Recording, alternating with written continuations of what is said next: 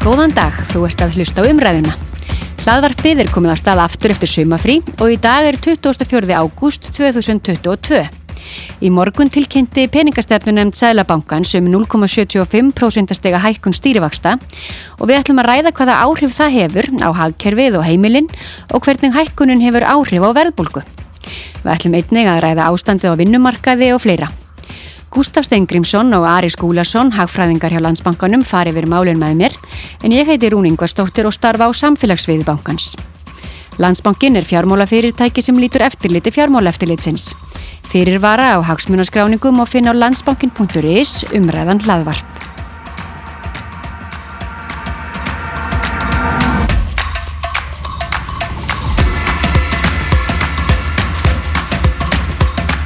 Velkomir.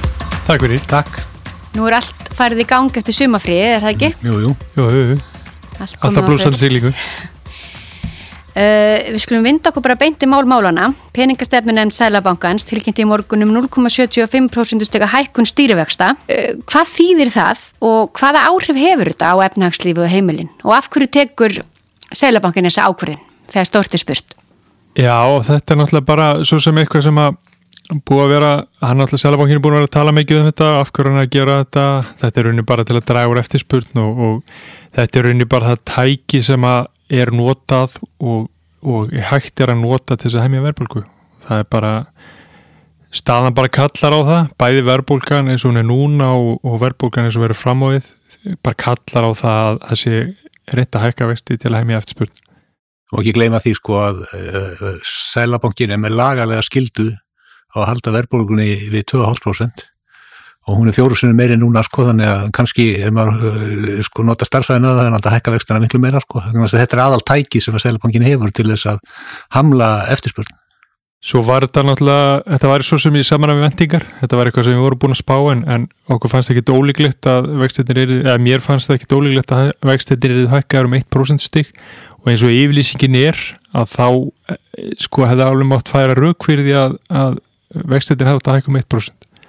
En stýrivextinir eru þá komnir upp í hvað? 5,5%? Já, 5,5%. En þú ert að segja, þetta, mitt það sem að þú ert að segja sko að ef maður les yfirlýsinguna þá finnst manni kannski ákvörðunin vera aðeins veikari heldur en yfirlýsingin, ekki satt? Jú, mér, mér, ég hefði haldið það sko og hérna maður veit ekki hvort að það er eitthvað agenda hjá þeim að, að reyna að fara fínt í þetta og, og reyna að, að kannski að að svona fara eitthvað, eitthvað mála minna leið í þessu og, og reyna hugsanlega að, að þá friða verkalýs fórkólfa með, með þessu eða eitthvað slíkt sko. Það má vera sko að það sé hluti af, af ákvörunni núna. En það eru hvað tvær ákvörðunir eftir á þessu ári, er það ekki? Jú, Og, Og og það maí- verður þá hækkað en frekar þá eða hvað? Já, það má alveg fastlega gera ráð fyrir því. Og í mæ voru að gera ráð fyrir því að vextinni færi hæst í 6,5 eh, 6% á þessu ári og ef að, ef að súspá gengur eftir þá á bankin alltaf eftir að hækka um eh, 0,5% stig fram á árumótum en, en svona með við hvernig þróun hefur verið og verðbólgun, verðbólgan og verðbólguvendingar og, og svona verðbólguspáin að þá verður, verður það vantarlega fyrir eitthvað nærið að vera 6,5% jafnveg 7% Og hvaða áhrif hefur þessi hækkun á heimilin og lánin okkar? Hvernig sjáum við þetta þróast? Ég bara, þetta er náttúrulega bara við höfum náttúrulega séð vaksta tæki býta náttúrulega miklu fasta núna heldur en oft áður í íslenskri hagsöfu því að það er náttúrulega stór hluti fólks er með húsnæðslána á, á, breytilegum ódrifum kjörum og hefur náttúrulega fundið mjög skýrt fyrir þessum vaksta hækkunum þannig að, að það er alveg ljóst að þetta mun uh, það sá hluti af hækjörnum mun finna mjög verulega fyrir þessu og svo náttúrulega líka verða að hæk, hækka kjör á lánu sem verða að veita í dag til 3-5 ára. Þannig að, að það er klart að, að fólk almenningu finnur fyrir þessu. En það, en það er náttúrulega selabankastjóri mjög skýr þegar hann segir til dæmis í hátegisréttum núna á báðum stöðunum við viljum að þið hættið að taka lán við viljum að þið hættið að eyða allt og mikið því að fara að hafa ykkur skynsanlega draga saman bæði fyrirtæki og heimili, ekki síst heimili sem bent til, heimili, bent til heimilana En enga neyslan hefur aukist. Já, já, klárt. Já, já mjög mikið og, og og, og við erum farin að ganga á sparnaðin sem sapnaðist í COVID greinilega. Já, náttúrulega það heppin sko í þessu ástandi núna að heimilin eiga sparnað frá því á COVID-tímabilinu. Þetta verður náttúrulega miklu verra annars. Já.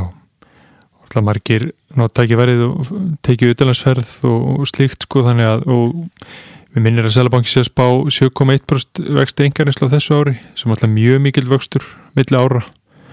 Og hérna en að gera, gera samanskapi ráð fyrir því að, að vöxtur nýslu verði frika lítill á næsta ári. Þannig að kannski er einhver liti hann að horfa á þetta þannig að, næsla verði mikil á þessu ári, fólk er að fara til útlanda fyrstskipti í einhver ár en, en svo verði fólk ekki að lefa sér mikið á næsta ári Sælabankin uppfærði líka þjóðhagsbá sína. Hvað var svona helst að frétta í þar? Já, ánáttúrulega eins og við væntum líka að, að þá var bankin að, að færa hana upp á við. Sælabankin er sérst að gera á fyrir því núna að, að hafustur verið 5,9% þessu ári en var í mæ að gera ráð fyrir því að hafustur er því 4,6% og það sem helst er að skýra það er að nú er Sælabanki að spá því að fjöldi ereldur ferðamenn að verði 1,7 miljón þessu ári en í mæ var hann að gera ráð fyrir að svo tala verði 1,4 þannig að það er svona held ég stærsta breytan í því Svo það eru miklu fleiri, ég vona miklu, miklu fleiri ferðamenn Já og það því bara meiri hafustur Já. svo er það líka að gera ráð fyrir því að vöxtur einhvernislu verði tölvöld meiri heldur en á þessu ári heldur en þeir gerur ráð fyrir í mæ En verðbólguhorfurnar hafa versnað. Já, alveg klálega og, og bara svo sem eins og verið hefur og, og þetta er náttúrulega bara alþjóðlega þróun að, að verðbólguspotnar eru alltaf verri og verri eða svona getur við sagt að, að eftir sem að verðbólgan hækkar að, að þá lítur þetta eins verri út fram á við og, og Sælabankin er að gera á fyrir því að verðbólgan uh, verði hæst núna á fjóruða fjórungi og verði, uh, verði ykkursta tæplega 11% en muni síðan hjana en hægt og uh, bara sem dæmi á næsta ári er Sælabankin að gera ráð fyrir að hún fari lægst í 4,3% þannig að verður ennþá tölver verðbólka á næsta ári sérst 12 mánu verðbólka á næsta ári verður lægst í 4,3% sem er herra en Sælabankin var að gera ráð fyrir í mæ á nýriði þannig að þetta er allt svona já, þetta er allt svolítið á sömu sveifuna að, að hérna, meiri verðbólka bara. Það var einhver smá munur á uh, verðbólguspánum ykkar, hvað allir því? Já, það er svolítið erfitt að segja, sko, við náttúrulega, við höfum ná, ekki nákvæmlega, getum ekki nákvæmlega að sé hvað fórsendur Sælabankin hefur fyrir sinni, sínum spám, Mm -hmm. en hugsalega kann það vera að, að við séum, að þeir haldi að, að einhver leiti að fastegnamarkaðurinn verðhækkan á fastegnamarkaður verði aðeins meiri heldur en að við höldum eða eitthvað slíkt, eða krónan Eh, sko, við gerum á fyrir að korona haldi áfram að styrkjast. Kannski Sælabankinni gerum á fyrir að vera til dælu óbreytt. Þannig að það er alls konar svona fórsendur sem að geta skýrt mismunin? En að verðbólgan muni toppa á þessar, þessu ári? Já, klálega, já, já. Það er allir að gera á fyrir hún toppi. Það er bara spurningur nákvæmlega með tímasetningu. Þetta er náttúrulega varðar framtíðina og það er náttúrulega erfitt að spá fyrir framtíðina. En uh, þú minnist á fastegnamarkaðin hann hefur náttúrulega verið einn helsi drivkraftur verðbólgunar en það er merkjum að markaðurinn sé að kólna. Já, já. Hvernig sjáu þetta þróast? Já, Og hvaða bara áhrif hefur það? það hefur náttúrulega bara, það hjálpa til við að, að hæja á, eða sérst hæja verðbúrgunni og, og, og svona hjálpa, hjálpa verðbúrgunni að, að, að lækka. En þetta er náttúrulega er spurning sko, hvað sko, þó með séum að spáði að, að fara að hæja kóluna á fastegnamarkaði, þá, þá er það samt alltaf spurning sko, er ekki, ekki þú veist, felur það í sér að, að hækkanar verði minni eða verður verðið óbreytt eða að tala um lækkanir og hvaða fórsendu gefur þér í þessu skiptir alltaf mjög miklu máli upp á verðbólkuþrónuna. Við erum, hefur sérst ekki verið að gera ráð fyrir því að, að verði muni standardilega í staði að fara að lækka, við erum að gera ráð fyrir því að verðhækkanina bara verði minni. Já, það er bara hægi á Það hækkunum bara hægja á hækkunum. og það er mjög en- ólíklegt að, að, að við sjáum upp fram á okkur að Já, lækkanir. já, já, klálega, sko, sagan segir að, að fastegnaverði sé mjög tregbreytanlegt niður á við, reynda fór það niður um einhver 10-11% uh, í hruninu sem var náttúrulega hamfarir með það sem er núna en núna er mjög ólíklegt að, að verð þar að lækka það uh, líklega að við förum í eitthvað svona eðlilega farveg að, að, að fastegnaverði hækki með svona svipuðum hætti og, og, og bara almennt verðlag, sko, Já, hugsaðlega aðeins meira. já, Þannig aðeins að- meira. En það er ákveðið áhegju efni er það ekki að verðbólgu væntingarnar hafi aukist. Jú, jú, þær eru náttúrulega það svolítið stór hluti af, af vandanum af því að mörguleiti snýr verkefni Sælabankans fyrst og fremst um það að stýra verðbölgu væntingum. Því ef hann stýri verðbölgu væntingum Mm að þá hefur hann svolítið góða stjórn á verðbólgunni fram á við en ef að verðbólgu væntingarna verða háar að þá felur það yfirleitt í sér að það mun raungerast. Því ef að verðbólgu væntingar eru háar þá fyrir fólk fram með meiri launakröfur. Og ef að verðbólgu væntingar til þess fyrirtæki eru háar þá bú, búast fyrirtæki við því að önnur fyrirtæki sé að fara að hækka verðið og þá leiði það til þess að þau hækka verðið líka. Þannig að þetta svona elur af sér verðbólgu. En e, þannig að ef að verðbólgu væntingarnar ef að selbankin er að stjórna þeim þá geta vextir verið lægri.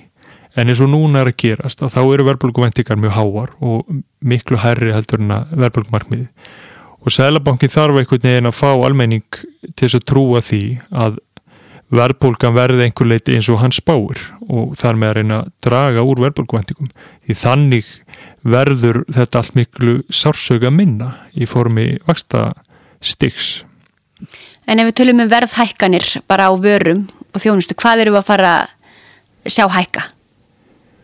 Já, það er náttúrulega um bara, það? við erum svo sem náttúrulega Nei. bara eins og bara er að gerast í heiminum, það er náttúrulega bara alltaf hækka og, og þó að eins og ráður að hafa komið niður aðeins að þá er eins og maturverð er ennþá hækka mikið og það er að hækka, er að hækka meira viðast hvar heldur en Hérlandi sem er allir sört en, en það er náttúrulega bara krónan er að hjálpa þarna því að hún er verið að styrkjast.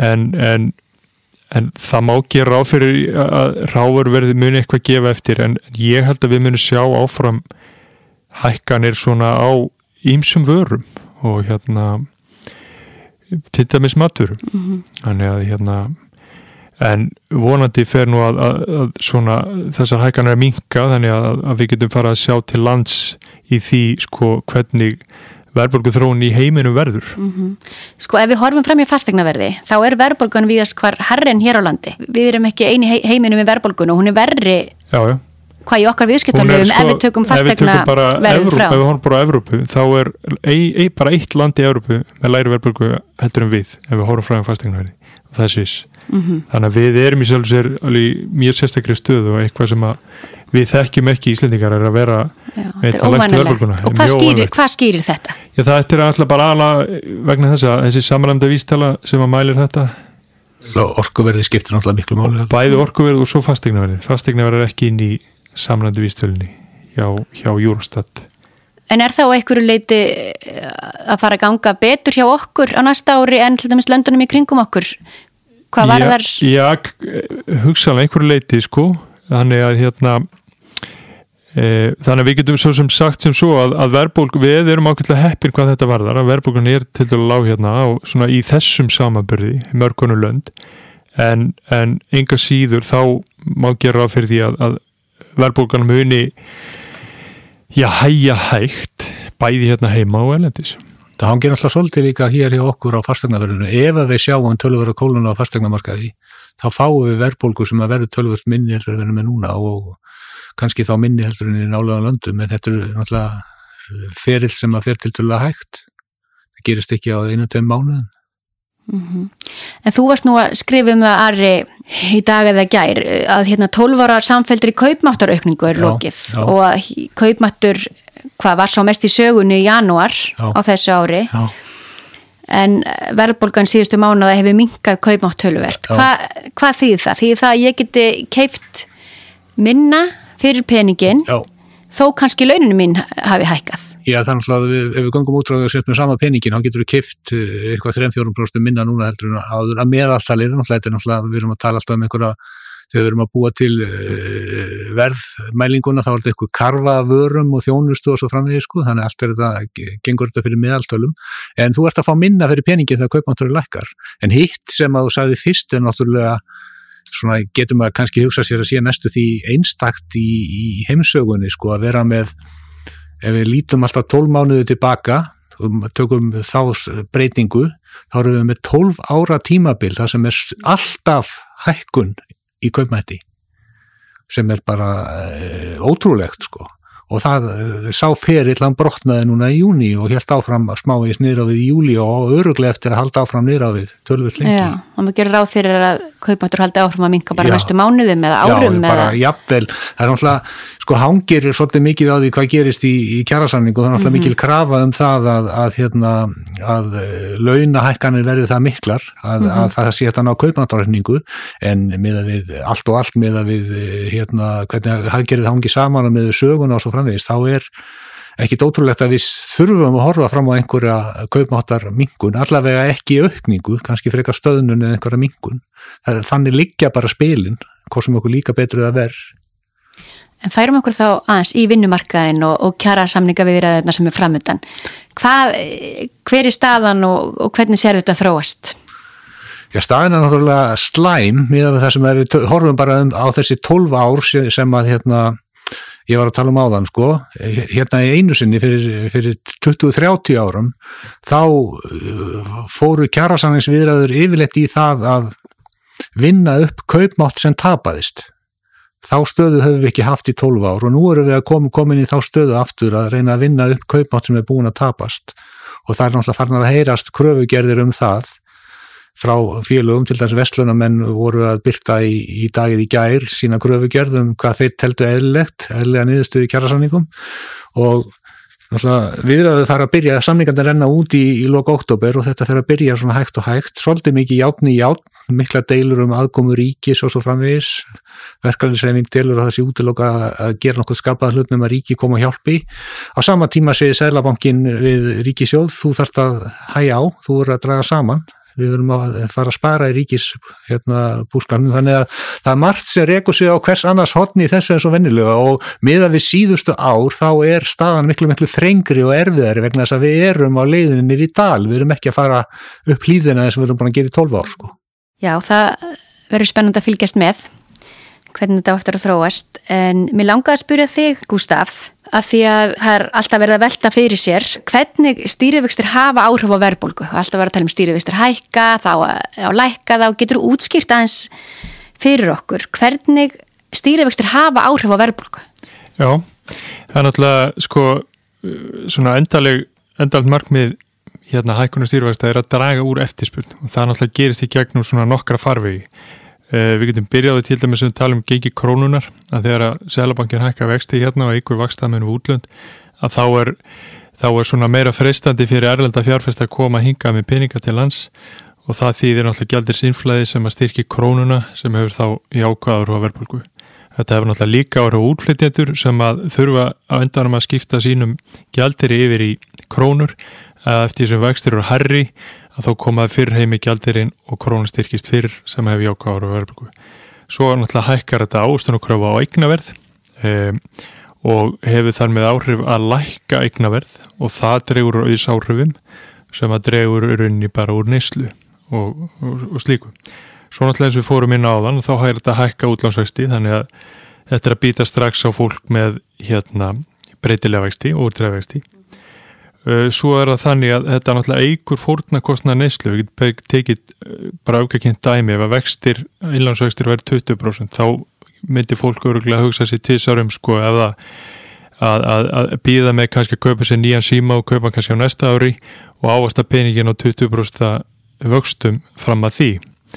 Þannig að þetta er svona, svona eigur kvatan til þess að spara og bara í því samvikið þá, þá má benda á það að, að bara vextir á, á ríksskuldabröfum hérna á Íslandi að þú uh, kaupir ríkisskuldabröf hérna heima í dag að þá máttu þá færðu 6,1% ávustun, árlega ávustun til næstu 30 ára sem bara ágætt eða hefði ekkert þótt ágætt bara sem dæmi. Þannig að það er hægt að fara í, í spartna sem að gefur ákveðlega af sér og svo náttúrulega dregur þetta bara úr eftirspurn eftir útlánum, nýjum útlánum uh, að því að bara kjörn eru harri og fyrirtæki fara síður í fjárfestingar og slíkt. Þannig að þetta svona já, dregur úr þenslu og eftirspurn svona í gegnum ímsa kanala. Og í því sambandi af því að þetta náttúrulega umræðan verður oft kannski svolítið skökk og enginnist einhver lit af, af miskilíki að það er náttúrulega einhver sem er að halda því fram sko að, að hækkum vaksta á íkiverðbólgu